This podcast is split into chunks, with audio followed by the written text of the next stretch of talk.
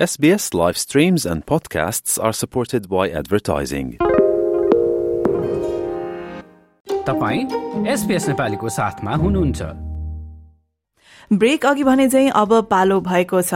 आर्थिक सल्लाहकार विश्वास भट्टराईसँग कुरा गर्ने घर जग्गाको बारेमा आर्थिक विषयवस्तुहरूको बारेमा तपाईँले पठाउनुभएका केही प्रश्नहरू पनि हामी उहाँलाई सोध्नेछौ। र यति भन्दै चाहिँ विश्वासजीलाई स्वागत गरौं कार्यक्रममा। विश्वासजी नमस्ते। नमस्कार। हजुर आज आइतबारको दिन हाम्रो लागि समय मिलाइदिनु भयो है त्यसको लागि धेरै धेरै धन्यवाद सर्वप्रथम त। हजुर धन्यवाद हजुरलाई पनि सबै श्रोताहरूलाई पनि मेरो नमस्कार। हजुर अब आर्थिक विषयवस्तुको कुरा गर्दा चाहिँ रिजर्भ बैङ्ककै प्रसङ्गबाट सुरु गरौँ होइन? मंगलबार अब आउँदो मंगलबार बैठक बस्दैछ फेरि पनि ब्याज दर बढ्ने कुरा छ। अब यसबाट चाहिँ हामीले के अपेक्षा राख्न सक्छौँ विश्वासजी? अब हेर्नुहोस् रिजर्भ ब्याङ्कको पनि अलिकति भनौँ न उनीहरूको पनि अब जुन हिसाबले उनीहरूले काम गर्छ उनीहरूलाई फेरि लिमिटेड रिसोर्सेस छ होइन? उनीहरूको प्राइमेरी अब्जेक्टिभ भनेको कन्ट्रीको इन्फ्लेसनलाई चेक गर्ने हो। अब त्यसको एउटा मात्रै हो एमिनेसन हो भन्ने उनीहरूको मोनिटरी पोलिसी मात्रै हो। त्यो हिसाबले जुन हाम्रो डिसेम्बर पछिको थियो डिसेम्बरमा चाहिँ खास सरी जनवरीको फर्स्ट विकमा रिजर्भ ब्याङ्कको मिटिङ थिएन। डिसेम्बर पछि चाहिँ होलिडे सिजन र अलिकति भनौँ न क्रिसमसको टाइमले गर्दा पनि अहिलेको नयाँ रिपोर्ट अनुसार चाहिँ कन्ज्युमर प्राइस इन्डेक्स अझ धेरै नै हाई छ एक्सपेक्टेड भन्दा। अब यसको लागि यसलाई अलिकति नियन्त्रण गर्नको लागि रिजर्भ ब्याङ्कको मस्ट लाइकली सिनारी चाहिँ अब हामीले पोइन्ट टू फाइभको रेट चाहिँ अपेक्षा गरेको छौँ अप हुन्छ जस्तो छ अहिलेको सिनारीले अब यो रेट कहिलेसम्म बढ्छ भन्ने कुरा चाहिँ अलिकति अनिश्चित छ जहाँसम्म लाग्छ यो अहिले यो सिपिआई भनौँ या कन्ज्युमर प्राइस इन्डेक्स चेक गर्न at least two two three month जस्तो लाग्छ होला। भनेपछि यसपछि पनि एउटा या दुईवटा रेट कटको रेटको लागि चाहिँ रेट बढ्ने चान्सेस चाहिँ धेरै नै भएको हुनाले हामीले त्यसलाई चाहिँ ब्रेस गर्नुपर्छ अहिलेको लेभलमा हजुर अनि अब बढ्यो भने चाहिँ अब यसले चाहिँ के के विषयमा चाहिँ असर गर्ला र विशेष गरी अब नेपाली समुदायको कुरा गर्दाखेरि होइन केही मुख्य परिवर्तन आउला कि कस्तो छ के छ तपाईँको विचार? हेर्नुहोस् अब रिजर्भ ब्याङ्कको प्राइमेरी अब्जेक्टिभ भनेको इन्ट्रेस्ट रेट बढाउने कारण चाहिँ के हो भन्दाखेरि मान्छेको खर्च स्पेन्डिङ झार्नलाई हो होइन? तर यो पोलिसीले चाहिँ खास कामै गरेको छैन। अब यो चाहिँ केमा फरक पर्छ भन्दाखेरि माइक्रो लेभलमा हेर्ने हो भने हाम्रो इच इन्डिभिजुअलको जबसम्म एक्सपेन्स हामीले खर्च गर्न बन्द गर्दैनौँ तबसम्म चाहिँ एज अ होल कन्ट्रीको म्याक्रो लेभलमा चाहिँ फरक पर्दैन। जबकि सबैको लाइफस्टाइलमा खासै चेन्ज भएको छैन हाम्रो खर्च गर्ने हेबिट स्पेन्डिङ भएको छैन रेस्टुरेन्ट लग्जरी हलिडेज अरू हामी सबै गइ नै रहेछौँ एभरेज पपुलेसनमा अब यसको कारण चाहिँ के हुनसक्छ भन्दाखेरि लास्टको टु इयर्समा जुन कोभिड भएको छ त्यसले गर्दा धेरै मान्छे चाहिँ क्यास सरप्लस भएको हिसाबले त्यो सरप्लसलाई युज गरिरहेको कारणले पनि हुनसक्छ होइन? अब त्यही भएर यो अहिले इस्टिमेट गर्न गाह्रो छ तर अहिलेको लेभलमा पेन पोइन्ट भनेको हजुरलाई पनि थाहै छ इन्ट्रेस्ट रेट झन्डै पाँच पर्सेन्ट पुगिसक्यो होइन? एभरेज मोर्गेजमा तपाईँको रफली थ्री हन्ड्रेडदेखि फोर हन्ड्रेडको चेन्जेस हुन थालिसक्यो मन्थली हो हामीलाई सबभन्दा पेन पोइन्ट भनेको यही नै हो। तर यो सँगसँगै कन्ज्युमर प्राइस इन्डेक्स बढ्दाखेरिको अर्को पेन भनेको तपाईँ हामी सबैले देखेको कुरा पेट्रोलको भाउ ग्रोसरीको भाउ खानाको भाउ लिटरली अहिले तपाईँको हरेक ठाउँमा पैसा बढेको छ। किन भन्दाखेरि लेबर कस्ट जो मान्छेले काम गर्ने मान्छेहरूको इन्कम पनि एक्स्ट्राले बढेको छ। स्पेसली अनस्किल लेभलमा चाहिँ धेरै नै चेन्जेस देखिया छ। त्यसले गर्दाखेरि यसले चाहिँ फर्दर प्राइसलाई अपवर्ड पुस गरिरहेछ।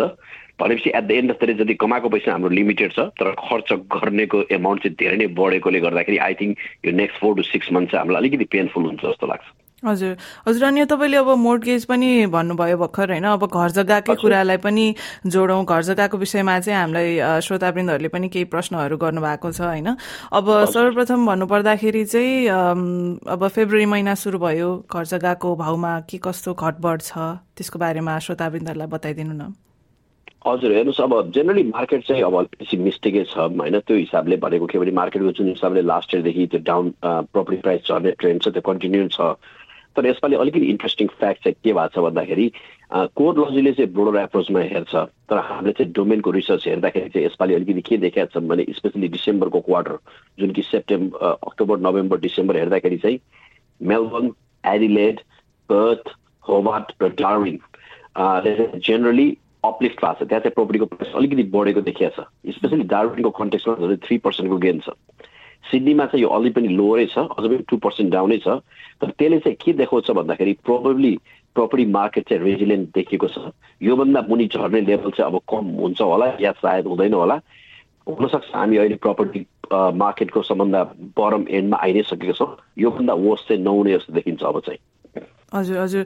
अनि अब नेपालीहरूको धेरै बसोबास भएका राज्यहरूको कुरा गर्नु पर्दाखेरि चाहिँ जस्तै अब न्यू साउथ वेल्स र भिक्टोरियाकै कुरा गरौँ होइन कुन कुन सबबमा चाहिँ घर खोज्दा चाहिँ ठिक होला भनेर प्रश्न गर्नुभएको छ एकजना श्रोताले? हेर्नुहोस् अब अहिले हामीले अब सिडनीको कन्टेक्समा हेर्दाखेरि चाहिँ होइन प्रायः सबैले ग्रोथ एरिया नै टार्गेट गरिया देखिन्छ। अब त्यो चाहिँ स्पेसली ग्रोथ एरिया भनेको साउथ सरी साउथ वेस्ट र नर्थ वेस्टको कोरिडोर हो र फ्यु वेस्टर्न साइड भनेको पेनबिथमा पनि हो। सिडनीमा चाहिँ तिनवटा कुराले ड्राइभ भएको छ प्रायः जेनरल पपुलेसन एउटा चाहिँ प्राइस पोइन्ट हो सबभन्दा ठुलो किन तपाईँको बजेटले कहाँ भ्याइन्छ भन्ने कुरा छ। सेकेन्ड कुरा मान्छे ड्राइभ भएको छ इन्फ्रास्ट्रक्चर ट्रान्सपोर्ट र थर्डमा चाहिँ स्कुलले गर्दा हो।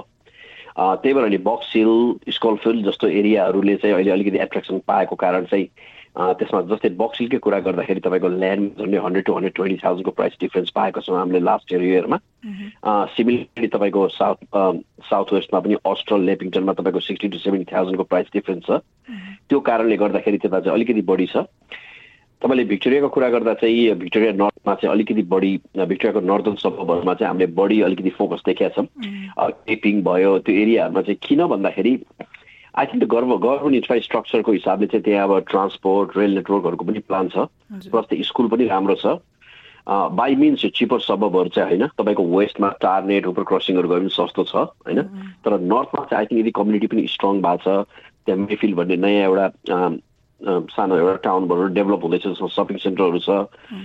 त्यो होल कारणले गर्दाखेरि नेपाली कम्युनिटीमा चाहिँ त्यो मेलबोर्नको नर्थ एरिया जस्तैमा चाहिँ अहिले एकदमै इन्ट्रेस्ट बढी भएको देखिन्छ र सबैजना त्यही नैतिर दौडिरहेको देखिन्छ है। त्यो चाहिँ आई थिङ्क त्यही तिनवटा कारणै हो त्यो पनि मेन ड्राइभर तर भिक्टोरियामा चाहिँ सिडनीभन्दा बढी प्राइस पोइन्टको चाहिँ अलिक पेन छैन। जहाँ कि मान्छेले हन्ड्रेड हन्ड्रेड ट्वेन्टी बढी हालेर पनि अफोर्ड गर्न सक्नेछ हजुर अनि अब सिडनीको कुरा गर्दा चाहिँ विश्वास चाहिँ यो इनर सबरहरूमा चाहिँ घरहरू धेरै जस्तो महँगो हुन्छन् भनेर खोज्ने चलन छैन होइन? कि इनर सबरमा साँच्चीकै महँगो हो कि त्यो अब कुनै सर्टन टाइपको घर खोज्नुपर्ने हो कि कस्तो हो त्यो चाहिँ? होइन यस्तो आई मेरो विचारमा यो दुईवटा कुराले ड्राइभ भएको छ। है हजुरको एउटा कुरा चाहिँ अभियसली प्राइस पोइन्ट हो। जहिले पनि इस्टाब्लिस सबब सिटीको नजिक भनौँ न इनर सबबहरूमा डेफिनेटली महँगो भइहाल्छ। किनभने पहिलेदेखि proximity geographical location infrastructure school community setup भइसकेको एरिया हो है। त्यसले गर्दाखेरि अनि त्यो एरियामा हामीले के पनि देखाएको छ भन्दाखेरि जस्तै मैले बक्सिलहरूको कुरा गरेँ त्यो एरियाहरूमा चाहिँ खास इस्टाब्लिस एरियामा चाहिँ प्राइसको चेन्जेस त्यति धेरै देखिएको छैन किनभने त्यो एरियाहरूले पनि अझ पनि रेजिलियन्ट र प्राइस होल्ड गरेर देखिएको छ तर जब हामी नेपाली हामीले नेपाली नेपाली कम्युनिटीको कन्टेक्समा चाहिँ कुरा गर्छौँ त्यो सबबमा नजाने मैले प्राइमेरी देखेको कारण चाहिँ मान्छे लाइफस्टाइलले हो।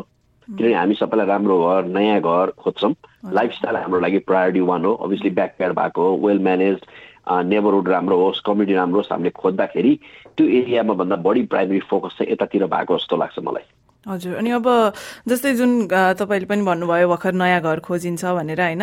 अब अहिले चाहिँ अब महँगी बढिरहेको छ। त्यसले गर्दा चाहिँ अब घर बनाइरहेको कतिको चाहिँ काममा पनि ढिलाइ भइरहेको कुराहरू आएको छ होइन? त्यस्तो अवस्थामा चाहिँ अब कि नयाँ घरको साटो पुरानो घर किन्दा उचित होला कि अहिलेको आर्थिक अवस्था हेर्दा त्यसको त्यो त्यो विषयमा चाहिँ तपाईँको के सल्लाह छ? हजुर अब त्यो भनेर चाहिँ लाइफस्टाइल चोइस हो। होइन हजुरले भनेको कुरा एकदम ठिक हो। अहिले तपाईँले अहिले न्युज पनि पढिरहेको होला। लिटरली हरेक हप्ता जस्तो एउटा दुइटा बिल्डर ब्याङ्कर पाएकै न्युज आउँछ होइन। यो बिल्डिङ इन्डस्ट्रीमा पनि के भएको छ भन्दाखेरि हजुरको लेबर सर्टेज र मेटेरियलको कस्ट हाई भएर यो प्रोडक्ट म्या के भन्छ यो म्यानेज गर्न चाहिँ गाह्रो नै छ। अहिलेको लेभलमा घर भनेको वान इयरसम्मको टाइम फ्रेममा बन्नु भनेको रियलिस्टिक देखिन्छ मोरली किन पहिला जस्तो नौ महिना आठ महिनामा घर बन्ने ट्रेन्ड चाहिँ हामीले देखाएको छैनौँ। होइन अब त्योभन्दा बढी चाहिँ अब हजुरले भने जस्तो कुराहरू दुई तिनवटा कुरा हुन्छ। एउटा चाहिँ त्यो टाइम फ्याक्टर चाहिँ डेफिनेटली त्यहाँ छ त्यो कुरा चाहिँ हो। यदि घर बनाउने भने हजुरले त्यसलाई चाहिँ मध्यनजर गरेर मलाई एक वर्षसम्म पनि डिले भयो भने घर फरक पर्दैन भन्ने कुरा सोच्नु पर्यो। तर घर बनाउँदाखेरि चाहिँ आफ्नै रिवार्ड छ आफ्नो बेनिफिट पनि मैले अहिले पनि भने प्रायः घर बनाउने चाहिँ फाइनेन्सियलले भन्दा पनि तपाईँको पर्सनल सेटिस्फ्याक्सन लाइफस्टाइलको चोइसले हो होइन?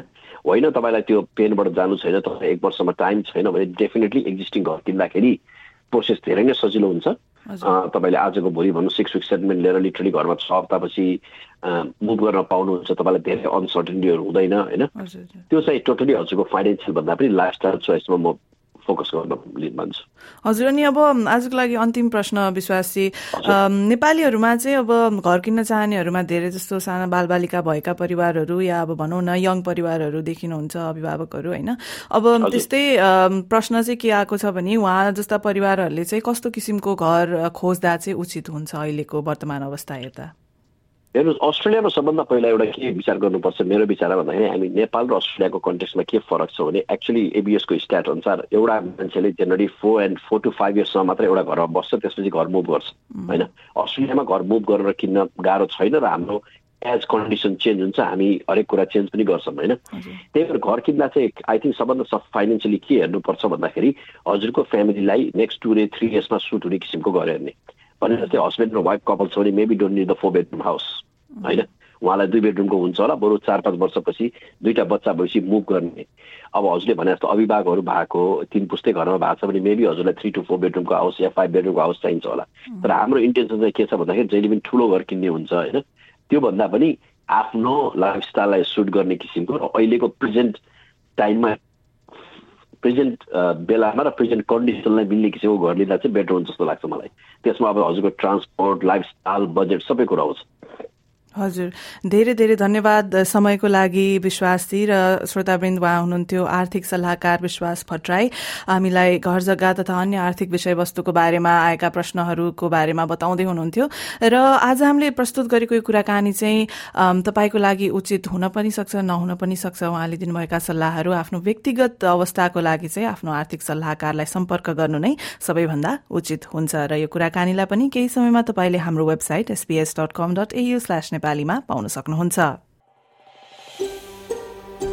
यो जस्तै अन्य प्रस्तुति सुन्न चाहनुहुन्छ? एप्पल पोडकास्ट गुगल पोडकास्ट स्पोटिफाईमा हामीलाई खोज्नुहोस् वा तपाईँले पोडकास्ट सुन्ने अन्य सेवामा।